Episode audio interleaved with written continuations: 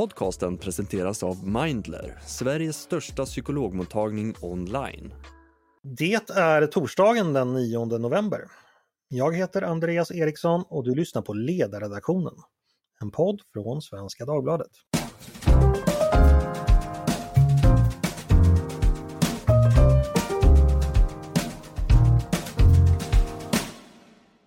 Varmt välkomna!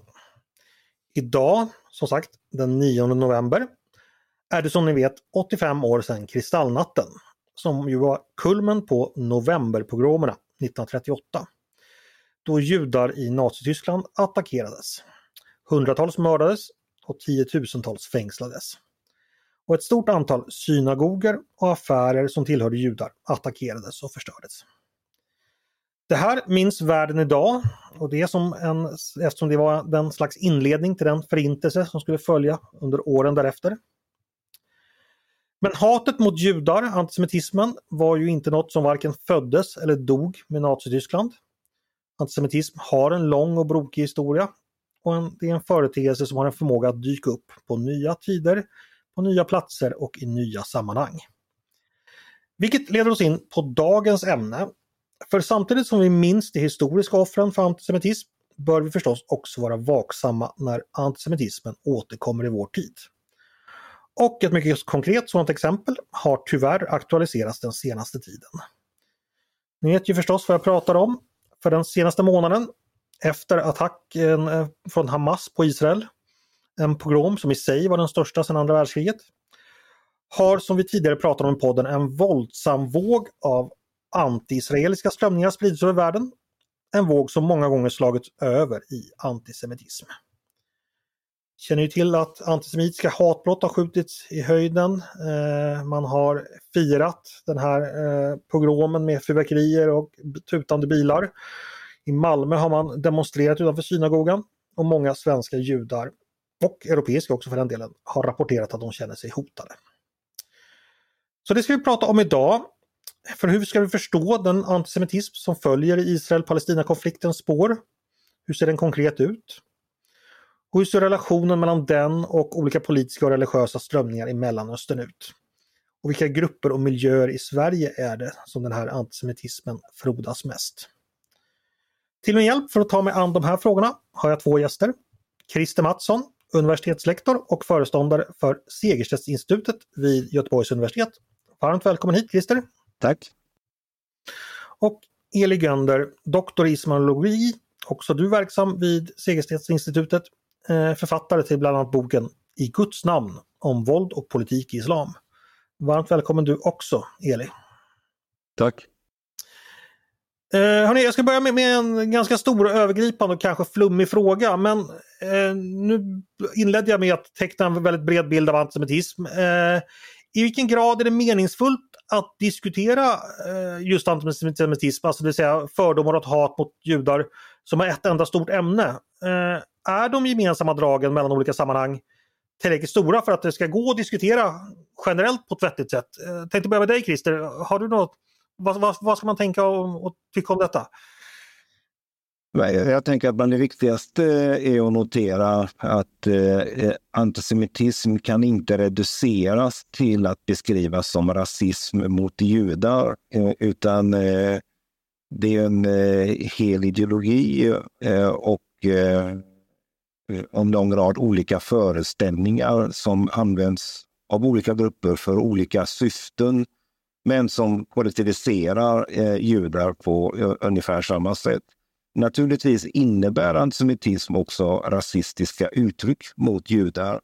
Eh, men det som eh, gör sig mest synligt och dess mest verksamma komponenter är eh, hur eh, man behöver judar i för att förklara varför den egna gruppens påstådda överlägsenhet är hotad.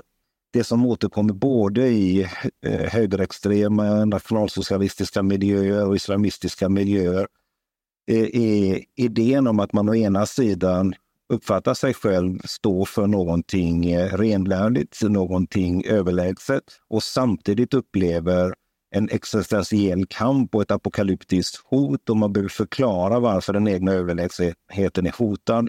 Och då brukar eh, antisemitiska troper eller judar ses som en agent som, som eh, eh, underminerar den här överlägsenheten. Och det, och det är det som vi ser i de yttringarna som kommer nu i spåret ut, av eh, Hamas terrordåd. Mm. Om man ska sammanfatta det lite grovt kanske, men man ser då alltså sig själv som fullkomligt överlägsen judar på alla sätt, men samtidigt är judar ett dödligt hot ungefär. Ja, judar i de antisemitiska föreställningarna har, har alltid uppfattats eh, som en eh, enhetlig grupp med ett enhetligt intresse, med ett subversivt eh, beteende eh, som styr eh, världen eh, bakom kulisserna, eh, så att säga.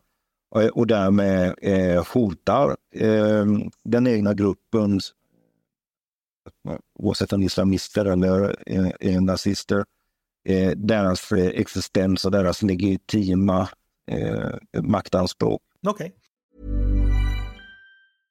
Hej, jag Ryan Reynolds. At Mint Mobile, we like to do the opposite of what Big Wireless does. They charge you a lot, we charge you a little. So naturally, when they announced they'd be raising their prices due to inflation, we decided to deflate our prices due to not hating you. That's right. We're cutting the price of Mint Unlimited from $30 a month to just $15 a month. Give it a try at mintmobile.com slash switch. $45 upfront for three months plus taxes and fees. Promote for new customers for limited time. Unlimited more than 40 gigabytes per month. Slows. Full terms at mintmobile.com. Det om den, den, generella antisemitismen. Då ska vi raskt för börja smalna in oss på, på dagens ämne. Tänkte jag gå över till dig Eli.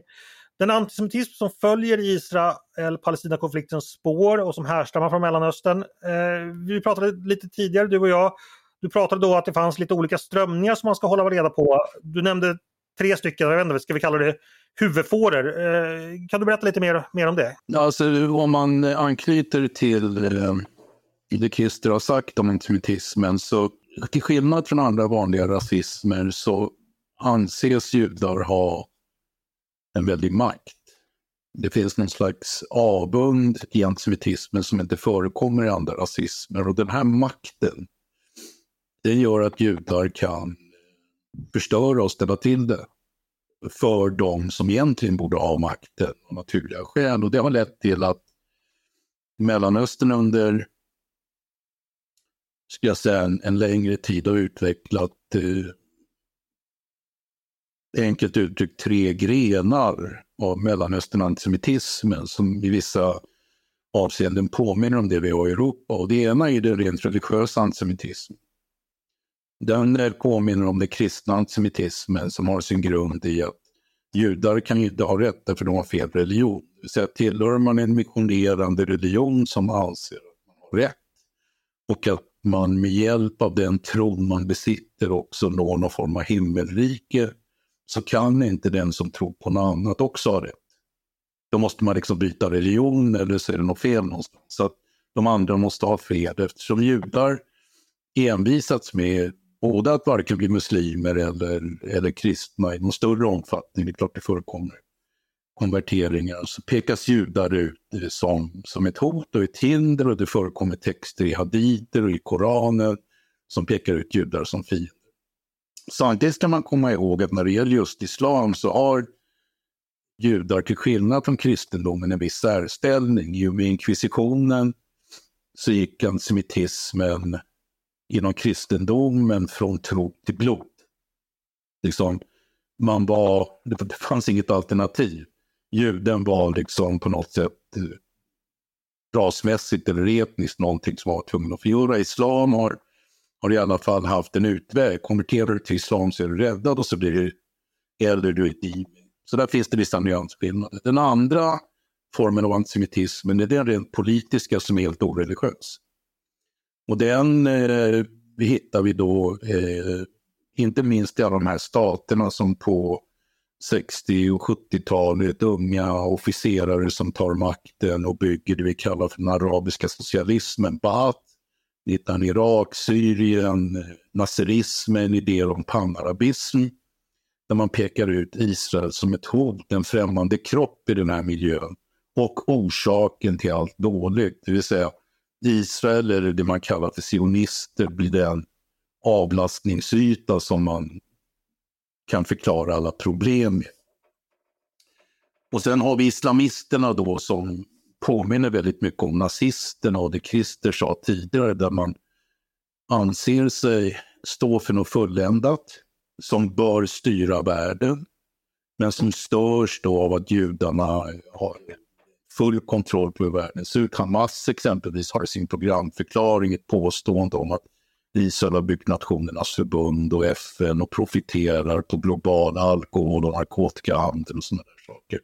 En stor konspirationsteori och så plockar man naturligtvis upp de haditer, de korantexter som menar att judar eh, ska, ska eh, förgöras eller mördas. Och jag skulle hävda att just när det gäller, kanske inte bara, så bygger en stor del av den typen av antisemitism på någon form av resentiment. Fouad Jami sa en gång att Israel har blivit en spegel i vilken den arabiska världen ser sina tillkortakommande. Och det är aldrig en lyckad position att vara i. Mm. Eh, Christer, vill du komplettera eller kommentera någonting det eh, som Eli beskrev precis nu? Nej, men jag tycker vi, vi har väl kompletterat varandra i några allmänna utgångspunkter. Mm. Eh, en fråga, Christer nämnde det här med skillnad mellan kristendom och islam, hur man ser på, på, på judar eh, lite. Men, men finns det några andra viktiga skillnader mellan den europeiska antisemitismen som jag tror de flesta känner ändå till ganska väl och den i ett mellanöstern-sammanhang som ni tycker är värd att lyfta fram som man ska ha i huvudet. Kommer du på någonting sådär Christer som du tycker är, är relevant? Jag tycker att en sak som är, är viktig att eh, beakta är eh, att vi har väldigt olika nivå på antisemitismen. Sverige är ett av världens minst antisemitiska länder vid internationella jämförelser och Mellanöstern är världens mest antisemitiska eh, eh, område. Så att det är klart att det blir en omedelbar kontrast med, eh, med människor som har sina rötter i Mellanöstern när de kommer till Sverige, där antisemitismen är, är legio. Men då vill jag också understryka att det är mer kopplat till eh, regionen än eh, religionen. Eh, Indonesien är världens folkrikaste eh, muslimska land och eh, graden av antisemitism där är ungefär på samma nivå som i, i eh, Östeuropa.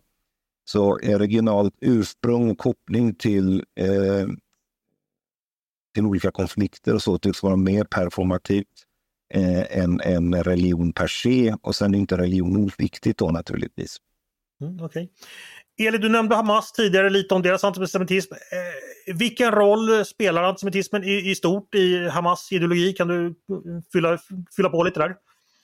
Den är helt avgörande. Hamas är lite av en, eh, lite av en hybrid. De har ju sina rötter i eh, Muslimska brödraskapets ideologi grundades som en liten farbror i rullstol som hette Ahmed Yassin och eh, såg sig som en brödraskapsförgrening eh, kan man säga.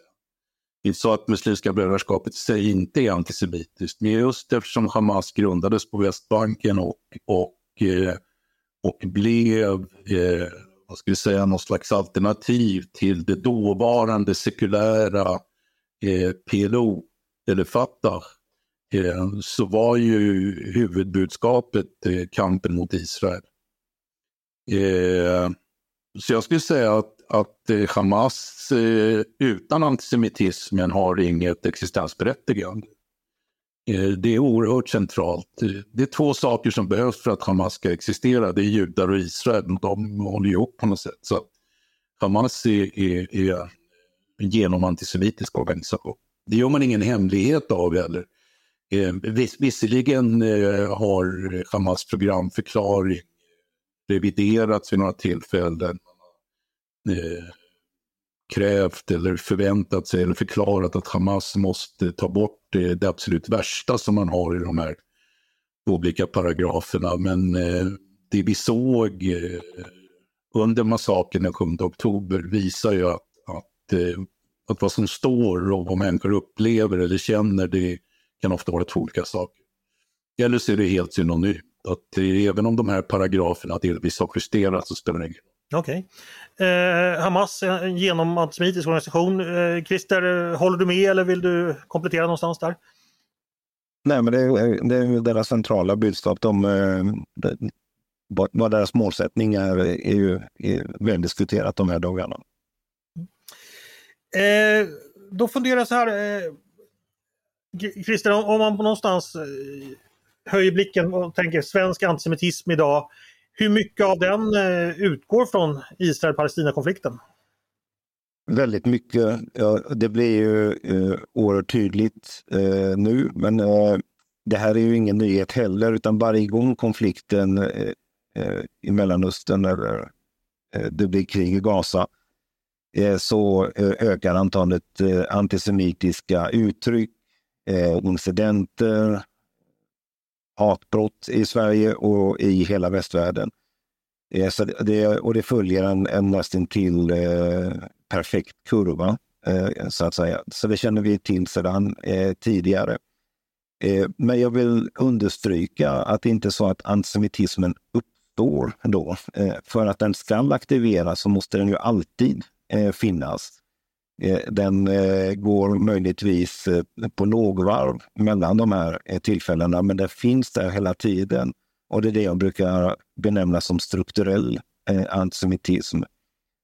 I ett land som Sverige där vi absolut de allra flesta känner igen och tar omedelbart instinktivt avstånd ifrån traditionella antisemitiska påståenden om att judar skulle vara snåla eller sådär, så lever det ändå kvar antisemitiska tankefigurer, retoriska figurer eh, strukturellt eh, i, i vårt eh, samhälle. Och det är kanske ett av de tydligaste exemplen som aktualiseras nu är hur man konsekvent byter ut jude mot eh, sionist. Eh, jag har inget emot judar, det är sionister jag har någonting eh, emot. Och man kan absolut diskutera för och nackdelar med, med sionismen och vara kritisk mot sionism och ha en diskussion om det. Eh, men det som gör att det för det mesta i de uttrycken som jag hittar i sociala medier nu ändå gör att det blir ett ersättningsbegrepp för att säga judar rakt upp och ner, är att när man uttrycker sig kring sionism Eh, så använder man sig av samma retoriska tankefigurer eh, kring vad sionist är som man traditionellt sett har beskyllt judar för. Man uppfattar sionismen till att börja med som en monolitisk lära. Att alla eh, sionister tänker och agerar på samma sätt. Traditionell antisemitisk eh, tro, judar en enhetlig grupp med ett intresse.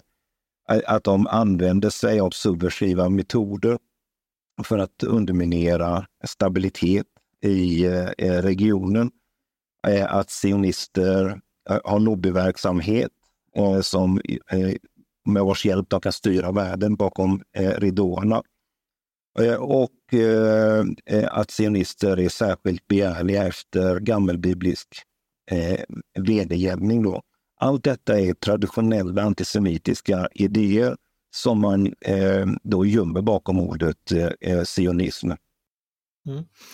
Eh, jag har en fråga här, eh, jag vet inte vem som ska ta den, men, men det finns ju också, i, bland de som engagerar sig i, i Israel-Palestina-konflikten finns ju också eh, starka vänstergrupper där man talar om befrielsekamp och antikol antikolonialism och sådär. Och det kan ju förstås vara, vara legitima vänsterperspektiv hur blandas egentligen det här in i liksom med Hamas och, och vad som för mig framstår som extremt reaktionära krafter? Alltså att progressiva i, i Europa verkar kunna göra gemensam sak med de mest konservativa krafterna i Mellanöstern och även förenas i liksom ett is, avsky mot Israel. Jag vet inte, vem känner för att ta det? Hur ska man förstå det? Eller är det, är det obegripligt eller är det logiskt? Vad, vad säger du, Eli?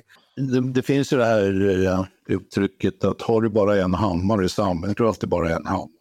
Så har man rutat in världen efter vissa teorier och förklaringsmodeller. Mm. Så applicerar man dem på varje konflikt därför att det är någon slags universallösning. Jag har haft lite diskussion just om postkolonial teori och så vidare och ifrågasatt varför exempelvis Jordanien inte anses vara ett kolonialt projekt. Om det är så att Israel är det eftersom Eh, den hashemitiska familjen kommer liksom utifrån och sätter sig på ett territorium som historiskt var palestinskt territorium och tränger undan de lokala beduinerna. Och så kommer en massa cherkesser också och bosätter sig där samtidigt för att vara nära eh, kungen och blir en elit i Jordanien, vilket cherkesserna fortfarande är, medan Palestina fortfarande sitter i flykt. Det finns ingen mig veterligen överhuvudtaget som har diskuterat idén om att faktiskt se Jordanien som en del av den här eventuella palestinska statsbildningen. Och det kopplas återigen till, tror jag, att de här vänsterrörelserna också är, när de diskuterar det intuitivt antisemitiska eftersom judar inte passar in någonstans. De lever med idén om att judar är mäktiga. Att judar är mäktiga, att judar har pengar och att därför judar har en maktposition som påminner om den europeiska och därför passar in i den strukturen. Och jag skulle vilja säga att en av de eh, eh, förändringar som bekymrar världen kanske mest när det gäller judar och som även inte är helt oproblematiskt i judiska kretsar, det är det här dramatiska rollbytet som sker med judar i och med staten Israels bildande. Världen är van vid att ha en jude man kan kontrollera, en minoritet som är underordnad, någon som anpassar sig, någon som gör det som har blivit tillsagd och så vidare. I och med staten Israel får judar en helt ny roll. Eh, där judar dessutom bestämmer sig för att inte bry sig så mycket om vad FN säger och ännu mindre vad andra säger utan ta sin egen säkerhet i sina egna händer. Eh, och det rollbytet irriterar väldigt många eh, därför att det dels inte passar in i deras egna teorier, dels därför att man har svårt att vänja sig vid det rollbytet som det innebär att ha judar som en eh, nationell majoritet som lever i sitt eget land och styr sin egen destination och gör sig så oberoende, så, eh, oberoende som möjligt av omvärlden. Hej, jag Ryan Reynolds. Recently, I asked Mint Mobiles legal team if big wireless companies are allowed to raise prices due to inflation. They said yes. And then when I asked if raising prices technically violates those onerous two-year contracts, they said, what the f*** are you talking about, you insane Hollywood ass?"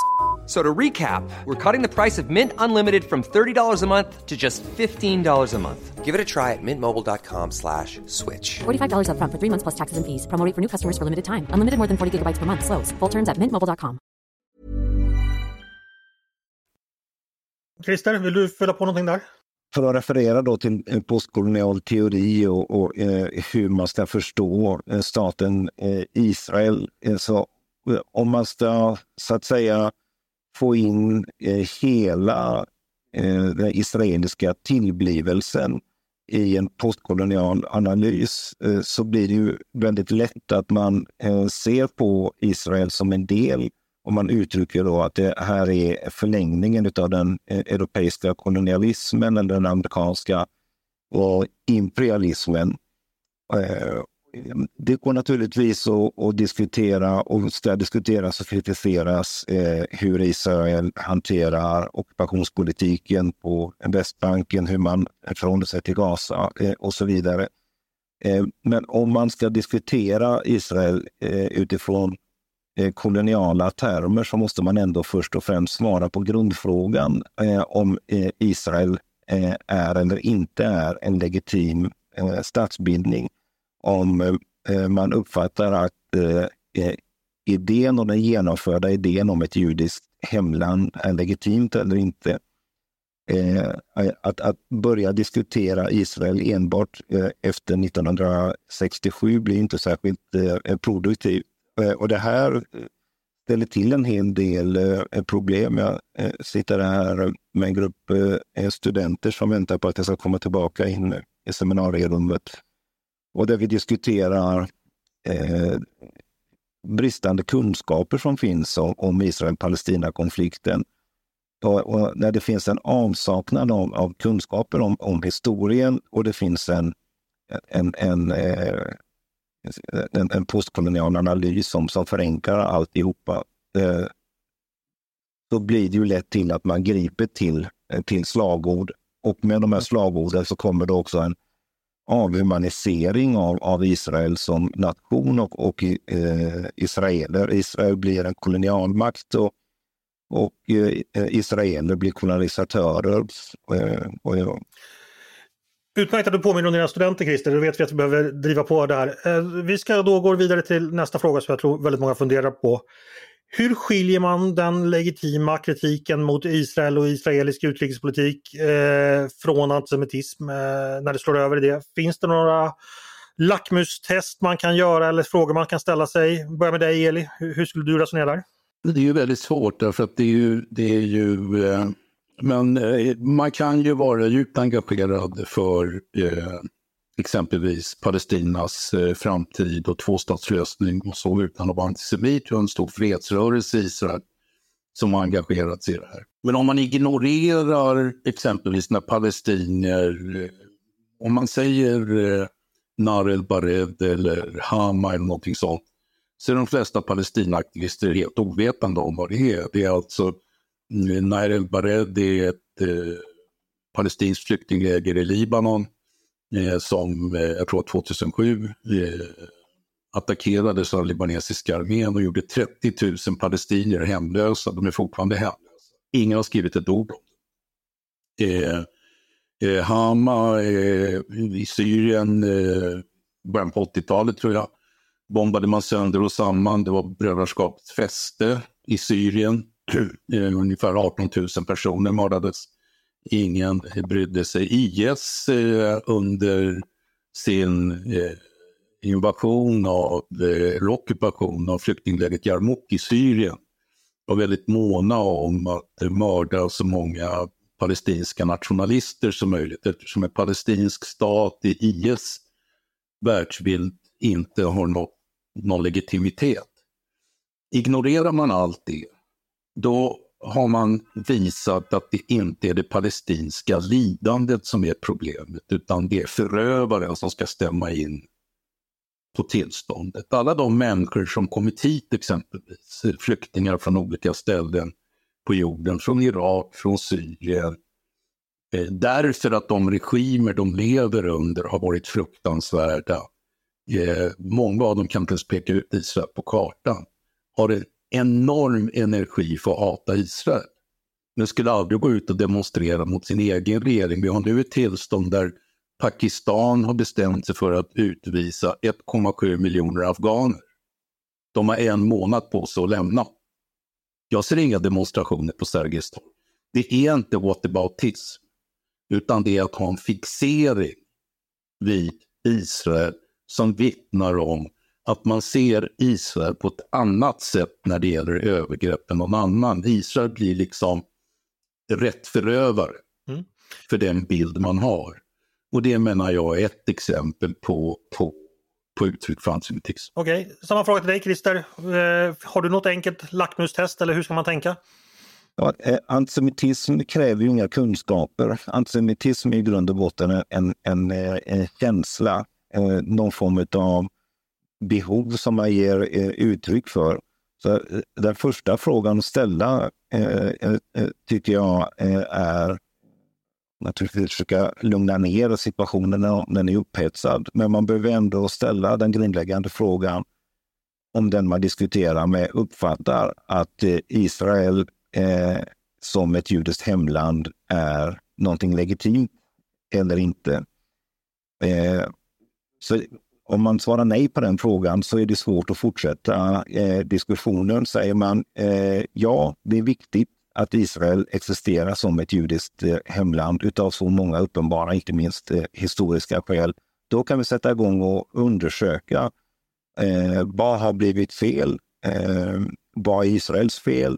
Vad är eh, omvärldens fel? Vad är västvärldens fel? Eh, Eh, för då kan man eh, gå ifrån eh, antisemitiska känslor eh, till eh, en, mer analytisk undersökning av problemet. Men jag vill också säga att, jag har väldigt, väldigt stor förståelse för personer som, som har sina släktingar i Gaza, som har vänner i, i Gaza och är, är livrädda och, och är, är, drabbade i, i, den här situationen. Jag förstår att, eh, att eh, när man är eh, utsatt på det sättet, eh, att man kan ge uttryck för saker som, som, eh, som inte är relevanta, som inte är sanna. Eh, därför man är rädd. Och, och, och det är en eh, rädsla jag förstår. Eh, det jag inte förstår och accepterar, det är de som inte är drabbade och som eldar på detta istället för att hjälpa till i situationen. Antisemitiska uttryck vid pro-palestinska demonstrationer i Sverige gynnar ju inte den palestinska saken eh, det minsta. Det gynnar möjligtvis den egna identiteten förhärligande och, och stundens hetta. Eh, men långsiktigt så behöver både Palestina och israeler eh, kritiska och goda vänner. Jag ska säga att jag har innan vi har det här, hade det här samtalet så har jag gjort en intervju med eh, Nalin Baksi, tidigare socialdemokratisk riksdagsledamot. Eh, och hon och jag, vi, vi pratade och då lät det så här. Nalin Baksi, tidigare socialdemokratisk riksdagsledamot och känd politiker. Numera skribent och sjuksköterska. Varmt välkommen hit Nalin! Tack så mycket! Du, eh, hur har du upplevt den här perioden efter Hamas attack den 7 oktober när det gäller reaktioner och, och stämningar i, i, Sverige? För mig blev jag ju chockad och många runt mig att man kunde eh, en sån attack, en sån som påminde om IS-metoder. Det hade man inte, ja det hade ingen av oss på något sätt kunnat förutse att det fanns någon annan än IS som skulle kunna göra så fruktansvärt dåd. Att döda barn, våldta kvinnor. Eh, och det känner alla eh, jag pratar med eh, på ett sätt. Men sen finns ju det som har utvecklats nu som oroar mig ännu mer. Det finns också de som ursäktar det, alltså säger till exempel ja men och då säger jag hela tiden nej jag vill inte höra men. Det som Hamas gjorde det är bara IS som har gjort på det sättet. Och då, det måste fördömas på alla sätt. Det är barbari och man kan inte ursäkta barbari. Men det här männet du beskriver, vad är det som brukar komma efter männet? På vilket sätt är det folk ändå försöker urskulda? Då, ja, exempelvis? till exempel, ja men tänk på eh, deras palestiniernas utsatta situation, tänk på ockupationen, tänk på det här och då säger jag så här. Jag har själv som ung gått i demonstrationer för Palestina. Jag tycker självklart att det ska vara tvåstatslösning. Palestinierna ska ha sina rättigheter, absolut. Men, men då för min del, in, det finns ingenting som ursäktar antisemitism. Det finns ingenting som ursäktar att folk är förtryckta. Man kan vara förtryckt, bedriva sin eh, motståndsrörelse, man kan bedriva sin kamp, men inte på det sättet att man går, dödar barn, våldtar kvinnor och det finns människor i Malmö som går och firar det. För mig är det, alltså jag kan inte fatta att vi har gått så illa i mänskligheten. Det kan inte jag fatta. Mm. När du säger äh, äh, att det finns äh, eller det exempel på antisemitism, vad är det du tänker på för, för stämningar eller uttalanden eller reaktioner då? Ja, men om man tänker nu, dels de här som då går ut i demonstrationerna och slår till judarna. Det finns människor i Frankrike vars hus målas med Davidstjärna. Det var en kvinna som blev attackerad, faktiskt 30-årig. Och då tänker jag ofta så här, det finns fortfarande människor som bara ursäkta, man måste förstå, precis som när jag var i en debatt med eh, Mehmet Kaplan i radion 2003 redan, alltså exakt 20 år sedan. Och då mm. lyfte jag just antisemitismen bland unga muslimer. Och varpå han sa, ja men du måste förstå att eh, deras systrar och bröder mördas i Palestina och det blir Men det finns ingen ursäkt för det. Föreställ dig, föreställ dig nu att kurderna i Sverige skulle uppmana andra kurder att attackera turkar varje gång Erdogan angriper kurder i norra Syrien. Det skulle bli ett himla liv. För turkar mm. i Sverige har inget ansvar för vad eh, Erdogan ställer till med. På samma sätt judar i Sverige inte har något ansvar för vad Netanyahu ställer till med. Så att det där är, det är en lång diskussion. Det är, eller rättare sagt antisemitismen, jag har reagerat på det i mer än 20 år. Och redan för 13-14 år sedan försökte jag väcka också debatt och diskussion att det är tyvärr stor antisemitism bland muslimska gruppen i Malmö bland annat och jag fick hård kritik för det. Ja, men vad är det för, vad är det för reaktioner du har mötts av då? Att, är det att du själv skuldbelägger då eller vad, vad, vad, vad säger folk då? Nej, men då skrev till exempel Aftonbladets eh, kulturskribent Petter Larsson så att jag pratade i nattmössan. Att jag hade inget, eh, inga bevis för det som jag pratade om. Hur kunde jag säga Ja, just det, att jag utpekade muslimer och jag borde be om ursäkt.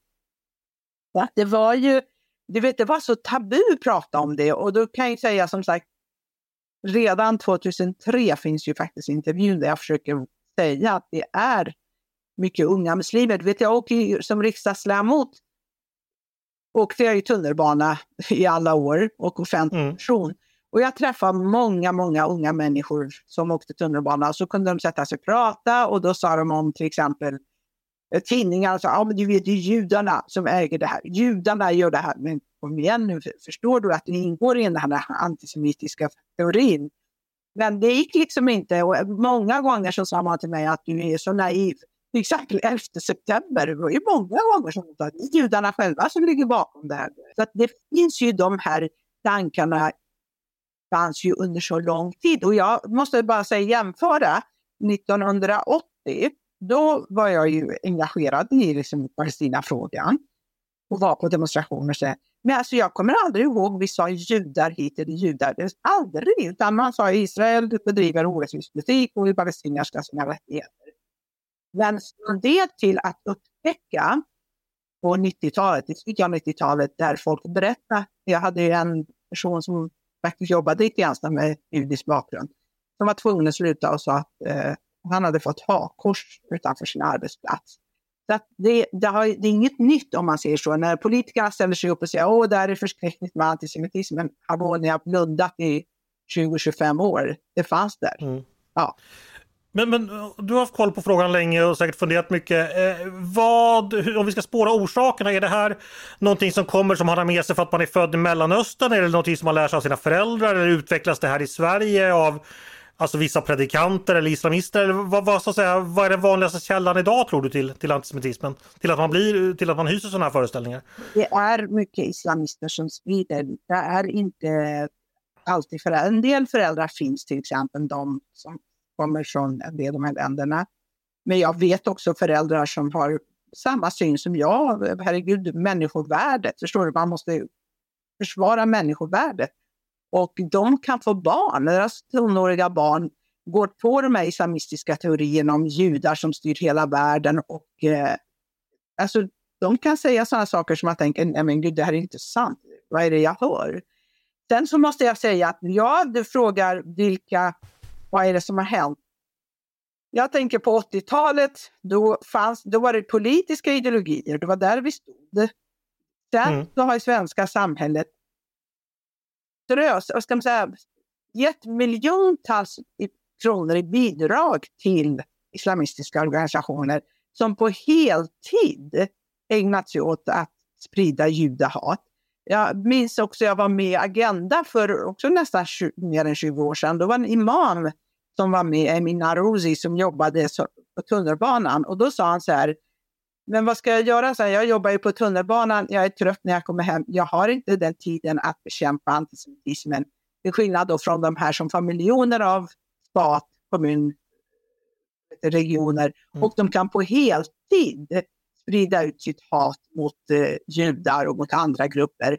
Så att det är väldigt mycket det svenska samhällets ansvar. Det är det. Okej, och då kommer den stora frågan. Vad, vad gör vi åt saken? Ja, då, det första jag skulle vilja det är att stoppa alla pengarna till civilsamhället, om man säger så. Jag är mm. kritisk till civilsamhället.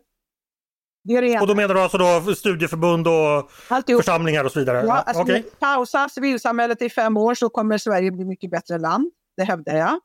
Titta mm. bara mm. på senaste fusken med läxläsning och alltihop. Det ena, så att folk inte har pengar att på heltid sprida ut sitt hat.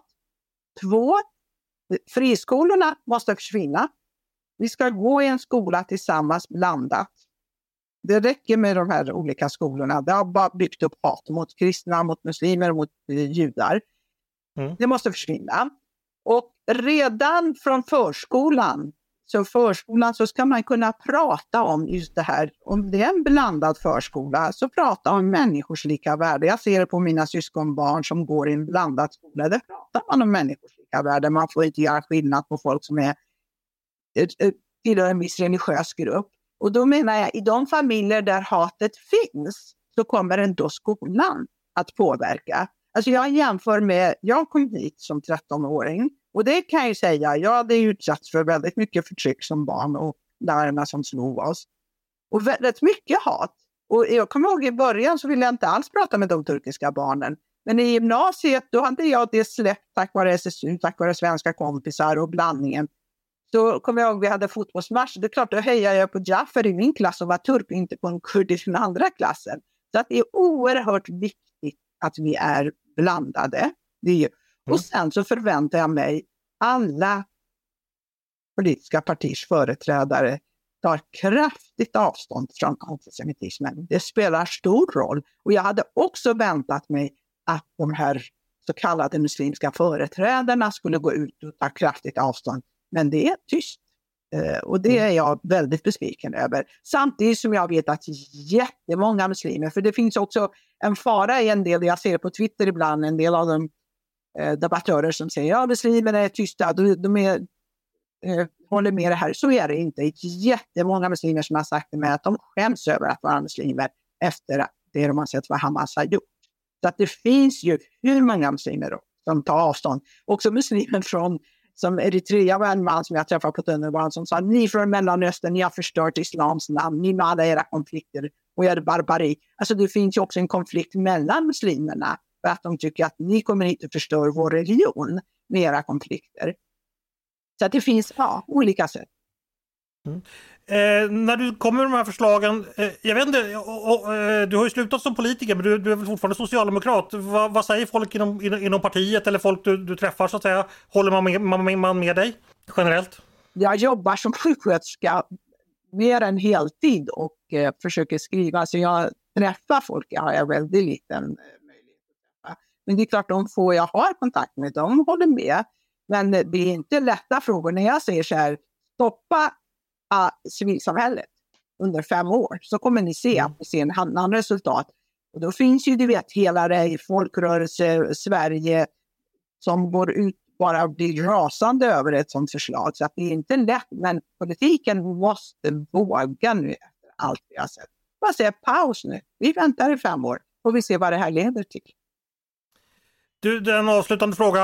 Eh, optimistisk, pessimistisk inför framtiden. Vad, vad, känner du? Hur mycket hopp har du att vi, vi kan vända utvecklingen?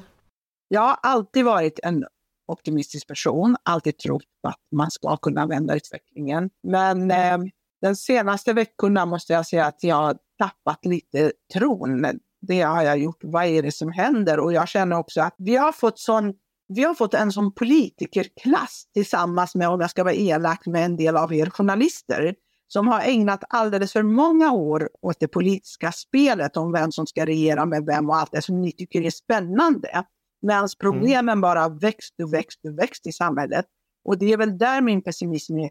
Har vi idag företrädare som faktiskt orkar ta tag i det och lyfta sig ovanför sitt det politiska spelet och sin egen position, utan våga prata om de riktiga samhällsproblemen och våga riskera sina karriärer för det som är rätt ja då skulle jag vara optimistisk. Men jag är, på den punkten är jag. Okej, okay, jag får passa på att be om ursäkt för den samlade journalistkåren där då, även fast inte jag eh, företräder den. Stort tack eh, Nalin Baxi för att du kom och pratade med mig idag. Tack så mycket. Ja, så lät alltså när jag intervjuade Nalin Baxi. Eh, idag så skrev, eh, om vi ska gå vidare, så skrev ju statsministern en debattartikel eh, i, i vår tidning som handlar om just antisemitism.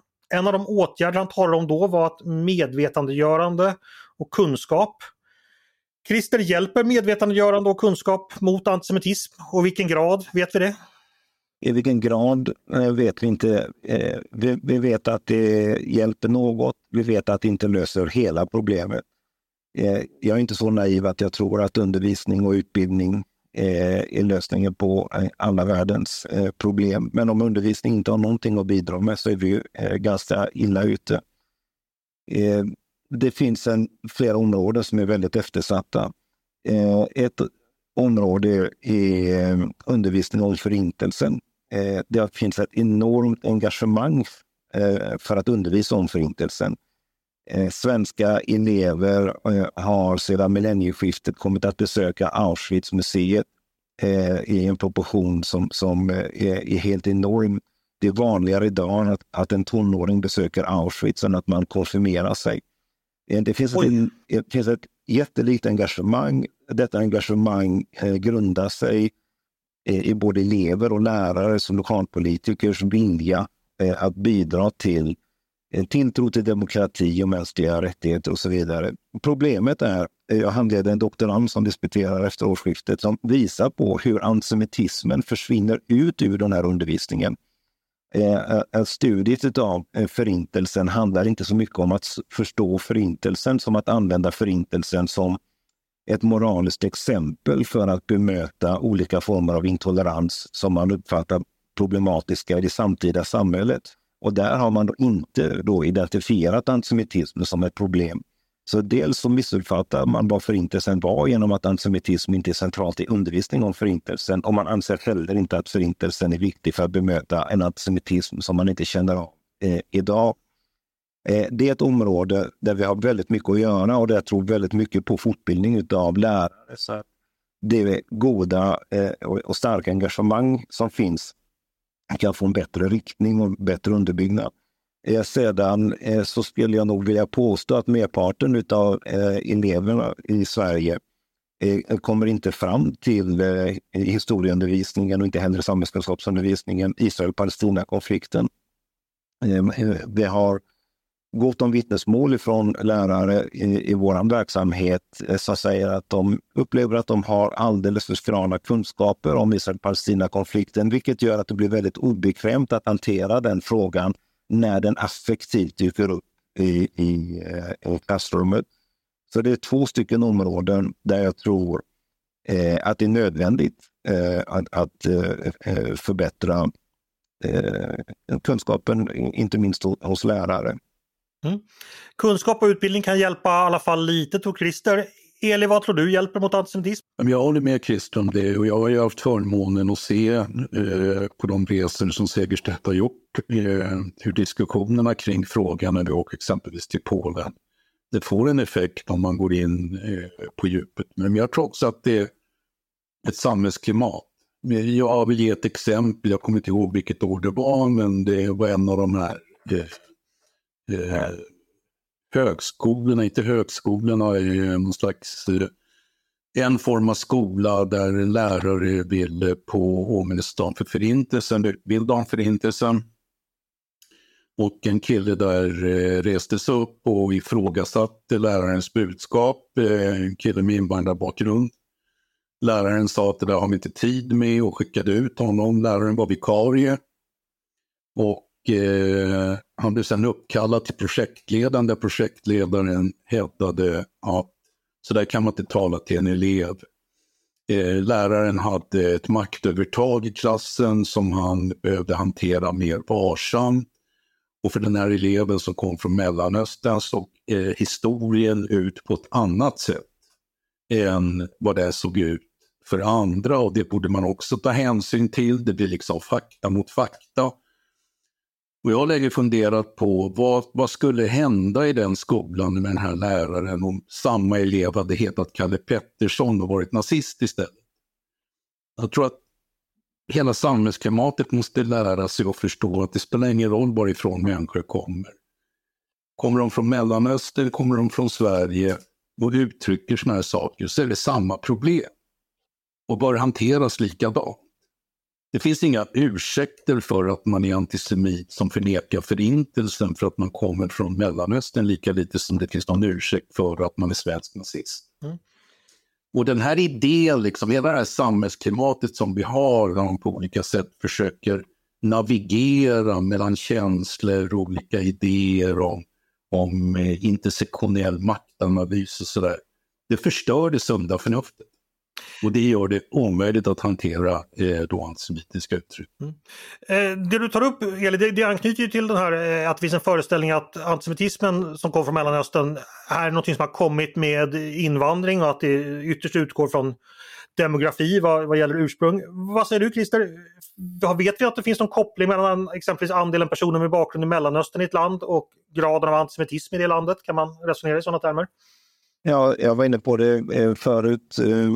Sverige är ett av världens minst antisemitiska eh, länder och Mellanöstern är världens mest antisemitiska eh, region. Det är internationella jämförelser.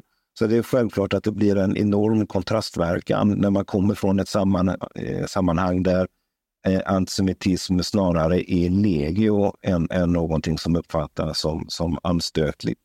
Och, det blir då också naturligtvis eh, en, en, en konfliktyta Eh, och eh, ett integrationshinder, eh, skulle jag säga. Jag brukar också ta om demokratiska utanförskapsområden. I min forskning har jag också tittat på högerextrem reproduktion i svensk rural miljö. Det finns ett antal geografiska områden i Sverige där eh, högerextrema grupper reproduceras generation eh, efter generation. Ehm, eh, och, och när eh, Mona Sahlin eh, tidigare var samordnare mot eh, våldsbejakande extremism eh, så hade de en slogan och de sa att ingen föds till extremist. Och det är naturligtvis sant. Jag skulle också säga att ingen föds till demokrat. För att bli demokrat så måste du få en demokratisk impuls någonstans ifrån. Du måste växa upp i en familj, i ett närsamhälle, i ett föreningsliv, i ett sammanhang eh, med demokratiska värderingar, med en demokratisk praktik. Eh, det finns områden eh, i Sverige där tilltron till demokratiska institutioner, eh, tilltron till myndigheter, tilltron till och tilliten till varandra Eh, är svag. Eh, det, problemet är inte att människor eh, radikaliseras från att vara demokrater till att bli antisemiter. Man är född och uppvuxen och uppfostrad till ett antisemitiskt tänkesätt och, och, och språkbruk. Eh, jag skulle säga att det behövs ett demokratilyft i Sveriges demokratiska utanförskapsområden oavsett om de är svensk landsbygd eller svensk eh, eh, förort. Svensk skola är väldigt bra på att verkställa sitt demokratiuppdrag. Men man är som bäst där eh, eleverna är demokrater från början. Och man är som svagast av uppenbara skäl där man har ganska många elever som kommer från icke-demokratiska hem. Eh, och, eh, det är ingenting som vi kommer lösa med normkritisk pedagogik, vill jag lova. Eh, där krävs det någonting helt annat. Det demokratiska språket inte finns i hemmet så måste det ersättas med någonting annat i skolan och det är väldigt tidskrävande. Och antingen så börjar vi beta av på oss eh den demokratiskulden eller så får vi skörda fruktan av den senare. Hörni, vi ska sy ihop det här. Eh, Christers studenter vill säkert ha sin lärare tillbaka. Jag tänkte bara be er eh, som avslutning nu, om, om man själv då, som många av oss känner vanmakt, vånda och bekymrar sig över eh, den här rasismen och antisemitismen. Eh, finns det någonting man eh, kan göra själv och, och vad skulle det så vara? Elis, ska du börja? Ja, till att börja med inte röra ihop rasism och antisemitism. Okej, okay, förlåt.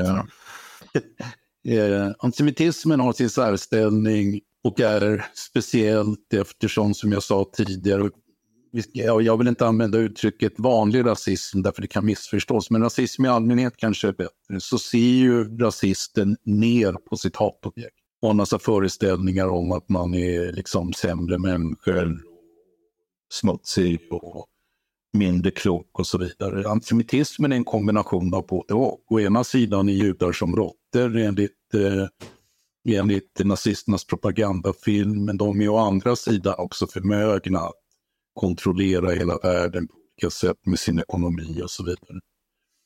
Eh, och jag tror att det är viktigt att hålla den skillnaden och förstå den. Därför att om man rör ihop all rasismen så att den blir likadan mer eller mindre för att det ska passa den här jämkningsidén som vi har i Sverige, att alla ska vara lika utsatta eller alla ska ha det lika bra och sådär då, fin, då, då kommer vi inte komma någon vart överhuvudtaget. Det andra är att ifrågasätta och problematisera de teorier som har varit förhärskande i Sverige som universallösningar på problem. Eh, människor har förläst sig på jordens fördömda Frans Fanon. Och så fort de då ser det som händer i Gaza får de omedelbara associationer till inbördeskriget i Algeriet för de har läst en bok. Inget är så farligt som människor som bara läst en bok. Men det där är väldigt vanligt i halvut, halvutbildat Sverige. Där de här teorierna har matats fram, inte minst på universiteten, för att förklara hur hela eh, samhället ser ut. Och där måste man också eh, bjuda motstånd. Det är inte universalteorier, de går inte alltid att använda. Så det är mycket som, som behöver så att säga, göras som inte är direkt information om antisemitism. Okej, alldeles utmärkt. Eh, Christer, då får du slutorden. Samma fråga till dig. Vad, vad skulle du säga är det viktigaste att man håller i huvudet och eh, försöker göra ifall man själv vill engagera sig i den här frågan? Jag tror att alla människor eh, kan göra ett bidrag genom att engagera sig på sociala medier. Och, eh, på riktigt alltså. Eh, när jag har studenterna eh, eh, här nu så, och de är yrkesverksamma lärare, de, de flesta. Eh, när vi hade en genomgång här i morse hur de upplevde situationen sen förra kursomgången så berättade de att det är inte så mycket i klassrummet. Men det finns där i luften hela tiden och det laddas eh, med olika former av, av uttryck som kommer via sociala medier. Och det är definitivt min erfarenhet också. Jag har sällan sett så mycket antisemitism eh, så koncentrerat och, och, så långt in i mainstream-samhället eh, som eh, under den gångna månaden. Eh, jag tror att vi alla kan göra nytta eh, av eh, att vara inne och plocka bort en del kommentarer och ännu hellre engagera oss i, i, eh, i diskussioner, säga ifrån, ställa frågor, och, och visa eh, att, att, att vi finns där. Det, att, att, att, vara eh, jude i Sverige idag, att, att vara en ung judisk eh, elev och, och, se de här olika forumerna fyllas av antisemitism är ju naturligtvis en fruktansvärd eh, upplevelse. En, en rädsla, en otrygghet i att gå till skolan nu behövs verkligen alla våra röster, att, att vi är där och, och säger någonting annat, inleder diskussioner. Mm. Alla våra röster behövs får bli då slutordet för idag. Eh, stort tack eh, Eli Gönder och eh, Christer Mattsson för att ni gästade mig idag. Tack så mycket! Tack! Tack! När vi alltså har pratat om eh, antisemitismen i spåren av Hamas attack på Israel den 7 oktober just på eh, 85-årsdagen av Kristallnatten eller novemberpogromerna som det också kallas. Eh, stort tack också förstås till er som har lyssnat på dagens avsnitt av Ledarredaktionen, en podd från Svenska Dagbladet. Jag hoppas ni tyckte det var intressant och lärorikt. Och ni är förstås varmt välkomna att höra av er till oss på redaktionen med tankar och synpunkter på det vi precis har diskuterat. Men också om ni har idéer och förslag på vad vi ska ta upp i framtiden. Då är det bara att mejla till ledarsidan snabla svd.se. Dagens producent, han heter Jesper Sandström. Själv heter jag Andreas Eriksson och jag hoppas att vi hörs snart igen.